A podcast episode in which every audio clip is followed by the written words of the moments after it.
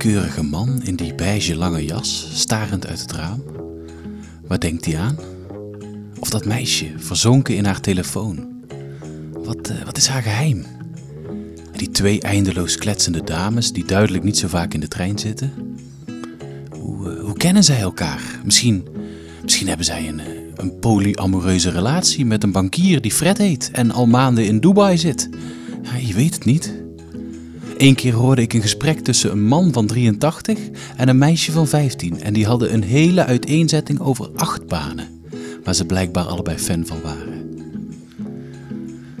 Hoi, welkom bij de tweede aflevering van Luister uit, een podcast speciaal gemaakt voor jou voor in de trein. Mocht je mij vorige keer gemist hebben, ik ben Thijs, ik ben je persoonlijke reisleider. En vandaag wil ik het graag hebben over onze medereizigers. Wie zijn het? Mij maakt dat altijd enorm nieuwsgierig. En misschien na deze uitzending knoop je wel een praatje aan met de persoon tegenover je. En, uh, en ben je eerlijker dan ooit? Hè? Je legt je hele ziel en zaligheid op tafel, omdat je weet, deze persoon, die zie ik waarschijnlijk nooit meer. Er is geen geschiedenis, geen toekomst, alleen deze reis. En dat maakt die gesprekjes zo, zo, zo fantastisch. Tenminste, als je het lef hebt om iemand aan te spreken. Heb je eigenlijk wel eens een gesprek gehad met een onbekende? Ik kan me wel een keer een treinrit herinneren van Utrecht naar eh, Rotterdam. En het was een overvolle, vertraagde trein. Um, en ik zat in een vierzitje uh, met uh, drie anderen die ik niet kende. En een van die mensen die liet een kei, een keiharde boer. En iedereen in de omgeving deed alsof ze het niet hadden gehoord. Behalve één andere jonge dame en ik. En wij moesten zo ontiegelijk hard lachen. Wij kwamen niet meer bij. En twee weken later kwam ik haar weer in hetzelfde traject tegen. En toen uh, spraken we elkaar aan van... hey, zat jij niet toen ook in die trein van die boer? En toen raakten we aan de praat. En uh, sindsdien zien we elkaar regelmatig. Nou, zo zie je maar. Hou je boeren dus vooral niet in. Hoe wij ons gedragen in de trein. Fascinerend, toch? Contact met andere mensen is niet vanzelfsprekend. Vaak proberen we ons juist op allerlei manieren af te sluiten van de ander. Door breed te gaan zitten, eh, je tas naast je neer te zetten. Ik heb zelfs gehoord dat sommige mensen net doen alsof ze slapen. Hoe komt dat toch? Aan wie kunnen we dat beter vragen dan aan Midas Dekkers? Het is algemeen bekend dat uh, een mens een territorium nodig heeft. Nou, als je op reis gaat, zo gauw je de huisdeur achter je hebt dichtgeslagen, ben je je territorium kwijt en ben je een slak zonder huis geworden. En uh, ja, de mens voelt zich dan inderdaad een naaktslak uh, zonder huis. Dat is al uh, onaangenaam. En dan moet je met al die andere naakte slakken moet je, in zo'n trein gaan zitten. Dus je bent je eigen territorium al kwijt. Maar nou heeft een mens heeft twee soorten territoria. Je hebt ten eerste het, het territorium zoals iedereen dat begrijpt. je eigen huis, je eigen kamer, je eigen stoel. Maar een mens heeft ook wat heet een individueel territorium. En dat is een, een ruimte van ongeveer een, een meter om je heen, waarbinnen je in principe geen andere mensen duldt. Als iemand het waagt om binnen dat individuele territorium te komen, dan is dat of iemand die heel erg van jou houdt, of iemand die hele boze bedoelingen met je heeft. Nou, je, je ziet voornamelijk uh, de, de, de pogingen van de mensen om binnen die trein toch een territorium te creëren. Je ziet het ook in hotelkamers. Uh, dus je, je komt je hotelkamer binnen voor de eerste keer. Uh, je bent je, echte territorium thuis uh, ben je kwijt. Uh, een hotelkamer is natuurlijk ook maar een surrogaat.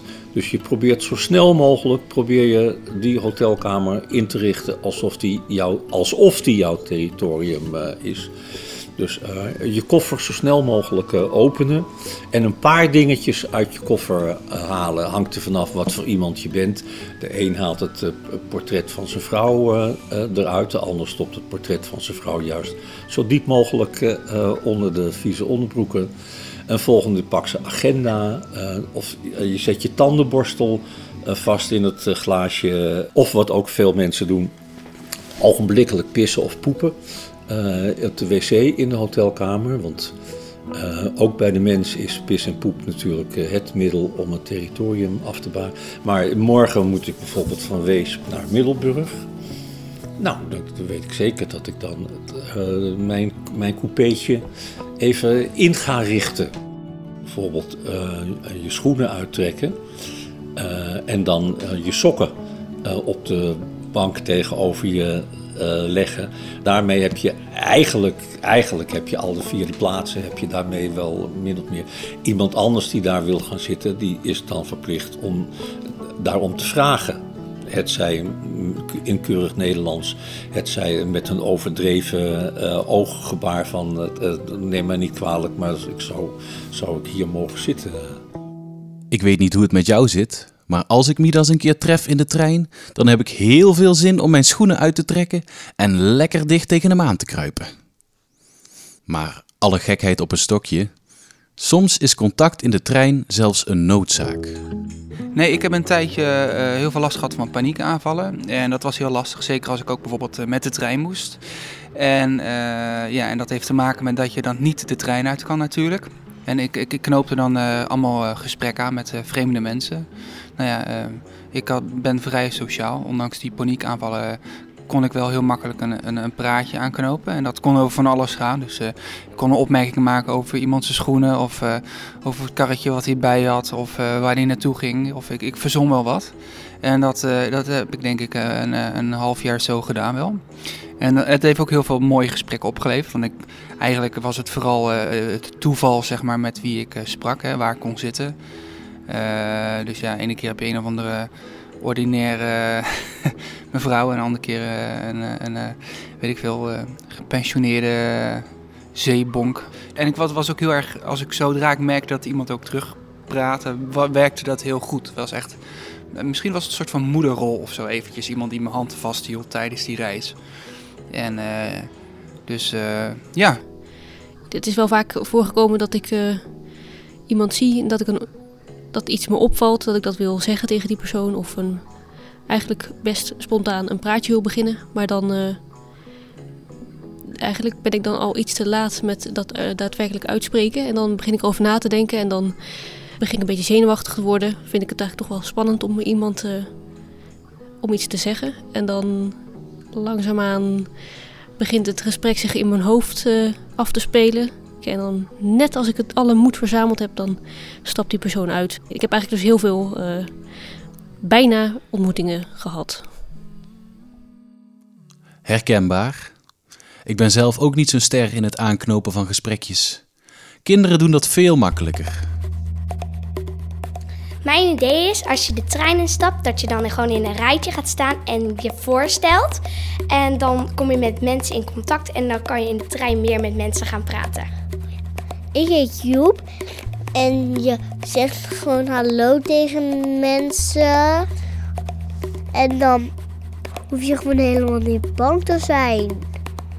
Misschien kunnen we afspreken dat als we in de trein zijn, dat we ons handen opsteken als je zin hebt om te praten met iemand. Nou, je tikt iemand aan in de trein en dan zeg je en dan zeg je hoe heet jij en dan vertelt hij dat en dan ga je kletsen vanzelf. Volgens mij zijn dat hele goede ideeën. Andere mensen ontmoeten, mensen die je in je normale leven niet tegenkomt. Waarom zou je dat eigenlijk willen? Daar heeft Marley Huijer, filosoof en voormalig denker des vaderlands, nog wel iets over te vertellen. Ik zie de coupé uh, als een soort theater. Uh, je bent uh, met elkaar, ben je de acteurs. Je kijkt naar, naar, elkaar. Ik kijk naar jou, jij kijkt naar mij.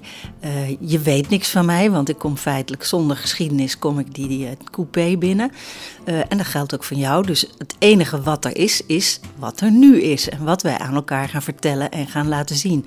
Dat betekent dus ook dat je open moet staan voor gesprekjes... of dat je zelf gesprekjes in gang moet zetten. Dan denk je misschien, wat heb je aan dat ontmoeten van anderen. Het is al een idee uit de 19e eeuw dat je voor je persoonlijke ontwikkeling in gesprek moet met mensen die anders zijn dan jij. En uh, dat streven om een zeg maar, een rijker persoon te worden, wat dus zeker sinds die tijd bestaat, eh, dat kan inderdaad niet zonder dat je in, in aanraking komt met onbekende elementen. Als jij in je eigen huiskamer alleen maar omgaat met uh, je, je gezinsleden, nooit naar buiten komt, ja, dan is het leven bijzonder kaal en er zit dan weinig verandering in. En dat betekent ook dat je jezelf dus weinig mogelijkheid geeft om te veranderen, om jezelf te ontwikkelen.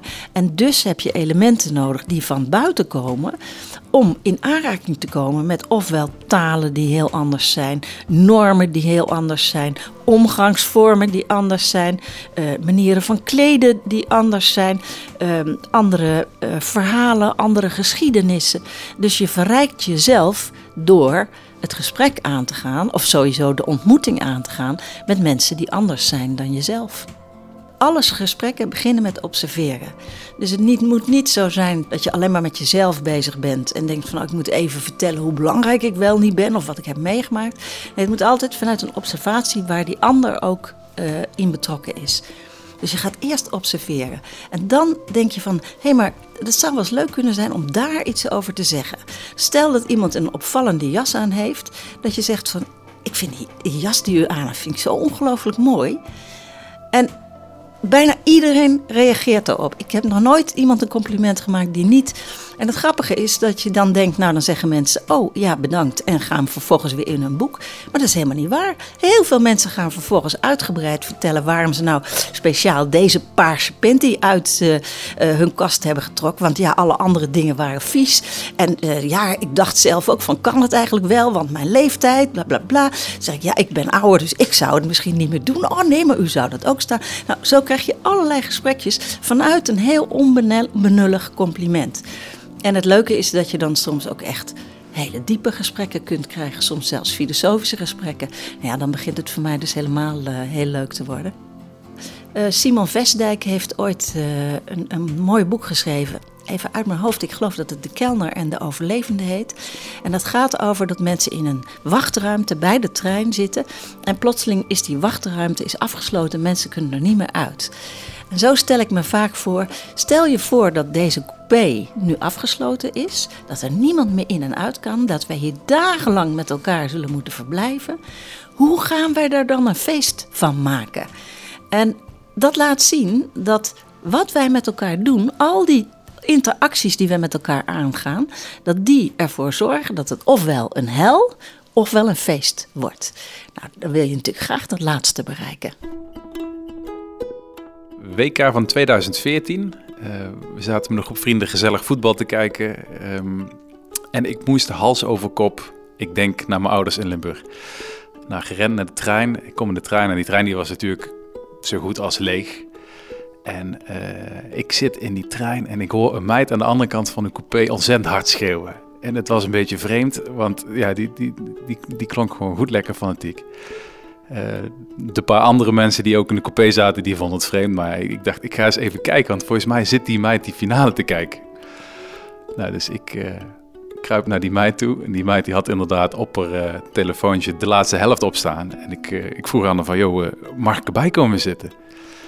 En die meid die zag dat ik een grote tas met bier bij had. Dus die zei, dat is goed, kom dan bij zitten, jongen. En toen hebben we met z'n tweeën heerlijk de coupé bij elkaar geschreeuwd. En ze heeft heel mijn tas met bier opgedronken. Maar toen we in Maastricht aankwamen, kreeg ik wel nog een, uh, een Snickers van. Ja, een, uh, een Snickers. Zo zie je maar wat je aan een ontmoeting over kunt houden. Ik zit nu te denken, het is ook eigenlijk behoorlijk intiem. Hè? Ik bedoel, misschien zit jij op dit moment wel naast iemand, uh, een onbekende, en raakt soms jouw been eventjes dat van hem of haar. En en je ruikt diegene. Zo intiem ben je met sommige bekenden niet eens. Misschien maakt het je wat ongemakkelijk of misschien is dat stiekem ook wel, ja, spannend. Flirten. Flirten in de trein. Doe je dat wel eens? Tijd voor een spoedcursus van Suzanne.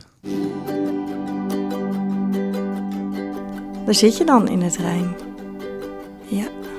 Daar zit je. Wie zit er bij jou in een coupé? Wie zitten er allemaal bij jou in de coupé? De ene leuke man, die is ook ingestapt bij jou. Hmm, of toch die springende dame met die mooie hakken. Je kijkt door de coupé en je ziet daar allerlei mensen. Mensen die je opvallen. Mensen die jou raken. Iemand die jouw aandacht kan gebruiken. Probeer maar eens oogcontact te maken. En kijk weg. Kijk naar zijn schoenen. Of naar haar schoenen. Naar zijn handen. Naar zijn haar. Wat voor kleur haar heeft diegene eigenlijk? En kun je de kleur ogen van diegene ontmoeten? Wat voor kleur is het? Is het blauw, bruin, groen? En kijk maar weer naar buiten. Durf je te verplaatsen? Dat is wel echt lef hebben. Of iets te zeggen. Wat zegt jouw lichaam? Of je hoofd?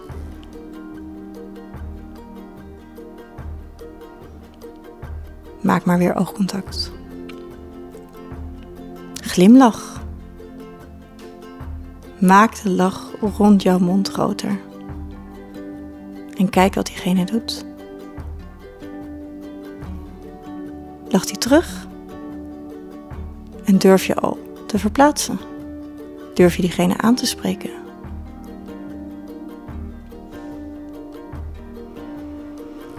Wat doe je met je handen? Hoe zit je erbij? Alles is goed. Zolang je degene een goed gevoel geeft over zichzelf. Ik ga je nu uitdagen. Ik ga een half minuut stil zijn en daarin krijg jij de kans om iets te zeggen tegen de ander. Een tip, een mooi compliment voor de ander komt altijd goed aan. Dus zeg iets over haar, broek, de schoenen, de relaxedheid waar diegene mee in de trein zit, de uitstraling, de kleur ogen. Alles is oké. Bedenk je wel dat een succesvolle flirt al een glimlach of een twinkeling in de ogen is van een ander.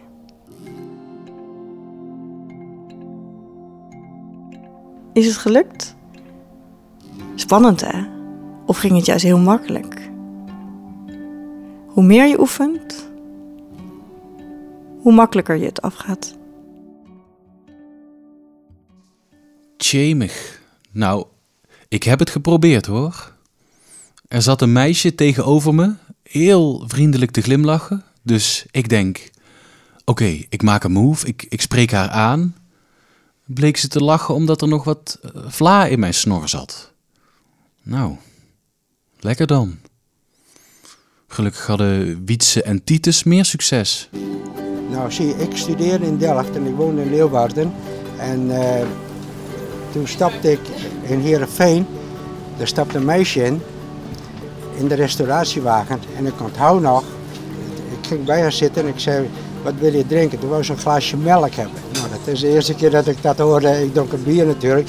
Maar zij werkte bij de spoorwegen, dus ik moest vlug wegen, want in Utrecht moest ze eruit. Toen heb ik een afspraak met haar gemaakt. En eh, ze is toen twee keer in Delft geweest. En eh, ik heb haar zo ontmoet en na, na eh, drie weken ging ik op een oude Harley naar Sint-Johannesga waar ze woonde. En toen zaten we in het gras bij haar vader achter in de tuin en de zon scheen. Toen pakte ze een gitaar. Toen begon ze te zingen. Want mijn vrouw heeft zelf liedjes gemaakt. Ze begon te zingen. En na het vierde liedje, dat onthoud ik, Sarina, het kind uit Odessa. En toen zei ik, was maar mee trouwen? En toen zei ze ja. Um, ik was uh, op een heel leuk feestje in Rotterdam. En um, nou, de muziek stond best wel hard. Maar ik keek een beetje rond en ik had oogcontact met echt een heel erg mooi meisje. En ik was helemaal verbaasd dat zij uh, met me wilde dansen. Maar helaas heb ik haar later die avond niet meer gezien. Want ik was even naar mijn vrienden gegaan en ben haar letterlijk uit het oog verloren. En toen een halfjaartje later zat ik in de trein. En uh, toen zag ik die ogen weer. En toen dacht ik, nou, nu of nooit, ik moet even opschieten. Pak een papiertje, maak een tekening van waar we gedanst hadden. En eh, ik schrijf mijn nummer erbij en zeg, eh, zullen we nog een keer dansen? Dus dat papiertje geef ik aan haar als ik uh, uit zat bij het volgende treinstation. En een uurtje later trilt mijn telefoon en heeft ze een berichtje gestuurd. Ze heeft een tekening gemaakt op het papiertje wat ik haar had gegeven. Met daarbij, um, this message made my day. En let's have a drink. Zo begon onze eerste date. Wat ik laatst hoorde, en wat ook heel goed schijnt te werken, is liegen. De trein is de perfecte plek om te liegen. Je kunt voor de duur van een ritje iemand anders zijn. Heerlijk. Je begint een gesprek en je zegt dat je een, uh, een loodgietersbedrijf hebt op Aruba. Of, of dat je Oekie Hoekema heet. Of, of een succescarrière in het klassiek ballet hebt. Probeer het een keer. Ga een gesprek aan en lieg dat je iemand anders bent. Volgens mij is het een, een bevrijding. Maar goed, misschien begin je eerst met een onbenullig compliment en dan zie je daarna wel hoe het gesprek loopt. Dit was alweer de tweede luisteruit. In de volgende aflevering gaan we reizen in ons hoofd en leert Tim Postje hoe je kunt vliegen vanuit je stoel. Luisteruit wordt gemaakt door Manon van Hoekel en Tom Loijs in opdracht van de Nederlandse Spoorwegen. De muziek is van Tessa Douwstra en Victor van Woudenberg. En Alfred Koster heeft ervoor gezorgd dat alles zo fijn in je oren klinkt. Ik zou het leuk vinden om te horen wat je van deze uitzending vindt. Dus tips, opmerkingen of fanmail kun je sturen naar thijs.luisterruit.nl Een leuke review is ook welkom. Tot de volgende reis!